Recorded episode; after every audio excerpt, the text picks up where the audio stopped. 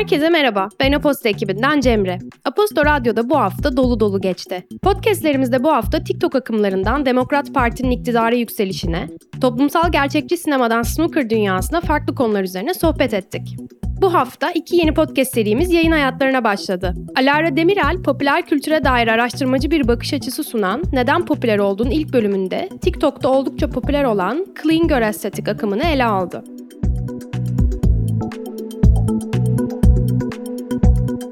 Peki bu temiz kız enerjisi nasıl bir şey ve neden popüler oldu? Clean Girl estetiği anlamak için biraz Web2 dünyasının kurbanı olmak lazım. Instagram'ın belirlediği ve Instabody diye adlandırılan bu mükemmel görüntü sürekli tekrarlanan bir imge. Kardashian'ların önce olduğu, tek tipleştirilen güzellik algısının domine ettiği, güzellik ürünlerinin öne çıkarıldığı meta bağımlısı dünyamızdan bahsediyorum.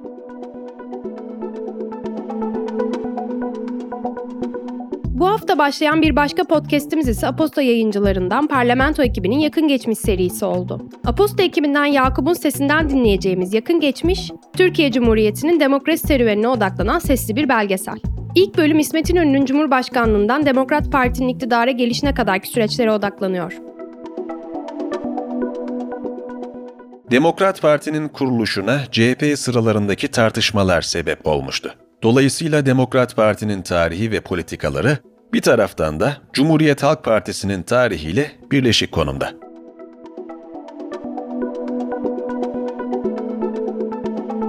Keşif sinemasında Emre'nin bu haftaki konuğu Azra Deniz Okyay oldu. Azra ile bol ödüllü filmi Hayaletler, toplumsal gerçekçi sinema ve kentsel dönüşüm üzerine konuştuk. Sen nasıl tanıştın Andrea Arnold'la ve sinemasıyla ve seni çeken yanları neler oluyor filmlerindeki? Ya aslında bayağıdır izliyorum. Ne ara ilk tanıştım hatırlamıyorum. Ama mesela Wasp kısa metrajı hatta Oscar almıştır. Hayatımda izlediğim hala en iyi kısadır herhalde. Böyle hareket çeken küçücük kızlar böyle Londra gettosunda. Sağ kenarında ise bu hafta gündemde snooker vardı. Snooker koçu Umut Töre ve Burcu, Ronnie O'Sullivan, Türkiye'de gelişen snooker kültürü ve sporcuların totemleri üzerine sohbet etti. Snooker'ın bir dezavantajı bu konuda şöyle bir şey söyleyebilirim. Yani siz snooker'ı izliyorsunuz ama edilgensiniz. Televizyon başındasınız, izliyorsunuz ama etken olmanız için aslında ülke pek müsait değil. Yani hele o yıllarda çok müsait değildi. Tiyatro kafede iki tane masa vardı. Pull&More'da Bostancı'da bir masa vardı. Yani ülkede masa yok. Yani evet. masa yok, üreticisi yok, ıstaka yapan, ıstaka almaya kalksanız yok yani. Hani var ama böyle tel maşa şeyler. Yani onları almak isteyen öğrencilerime aldırmamaya çalışıyorum yani. Dolayısıyla da okey hani yayıncılık var. Hani insanlar çok fazla izliyorlar ama gelin hadi bu sporu oynayalım ve kendimizi geliştiririz dediğinizde çok fazla parametre var sizin önünüzde engel. Bunları da hani kaç yıldır hani halen Türkiye ne kadar aşıyor bu da çok büyük bir tartışma konusu. What are you grooving to? Aposto editörleri Aposto içindeki yayınlardan sizin için her hafta özel bir seçki hazırlıyor.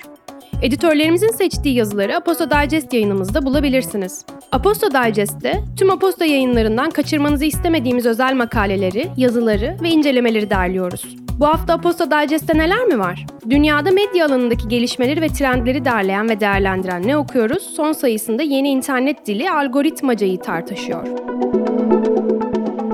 Aşı tarşıtları Facebook gruplarının isimlerini dans partisi olarak değiştirerek platformda kalmaya çalıştı. Türkiye'de de aşı yerine sıvı kelimesini kullanmaları en bilinen yöntemlerden birisi. 1920 ve 1930'ların eğlence hayatının arşivini derleyen İstanbul'da Nasıl Eğleniyorduk son sayısında Türkiye'de gramofonun tarihini keşfediyor. Akşam gazetesi ise asıl efsane haberini 23 Ekim 1929'da patlatıyor. Bir cinayetin suç ortakları bir anda içki ve gramofon veriyor. Bu haberle birlikte müzik ve alkolün bir araya gelmemesi için çabaların epey eskiye dayandığını anlıyoruz. Sosyal bilimlerden yola çıkarak güncel konulara değinen jurnal son sayısında kıskançlık o kadar kötü bir şey mi diye soruyor. Teolojik ve folklorik hikayeler bir yana, sosyal bilimler penceresinden incelendiğinde görülür ki kıskançlık ne iyi ne de kötüdür. Sadece bir duygudur ve iyi ya da kötü olan sebep olduğu davranışlardır. Bu yazıları ve daha fazlasını incelemek için Aposto Digest'e abone olmayı unutmayın. Podcast bölümlerimizin bağlantılarını ve Aposto Digest'in bağlantısını bölümün açıklamasında bulabilirsiniz. Keyifli dinlemeler ve keyifli okumalar dileriz.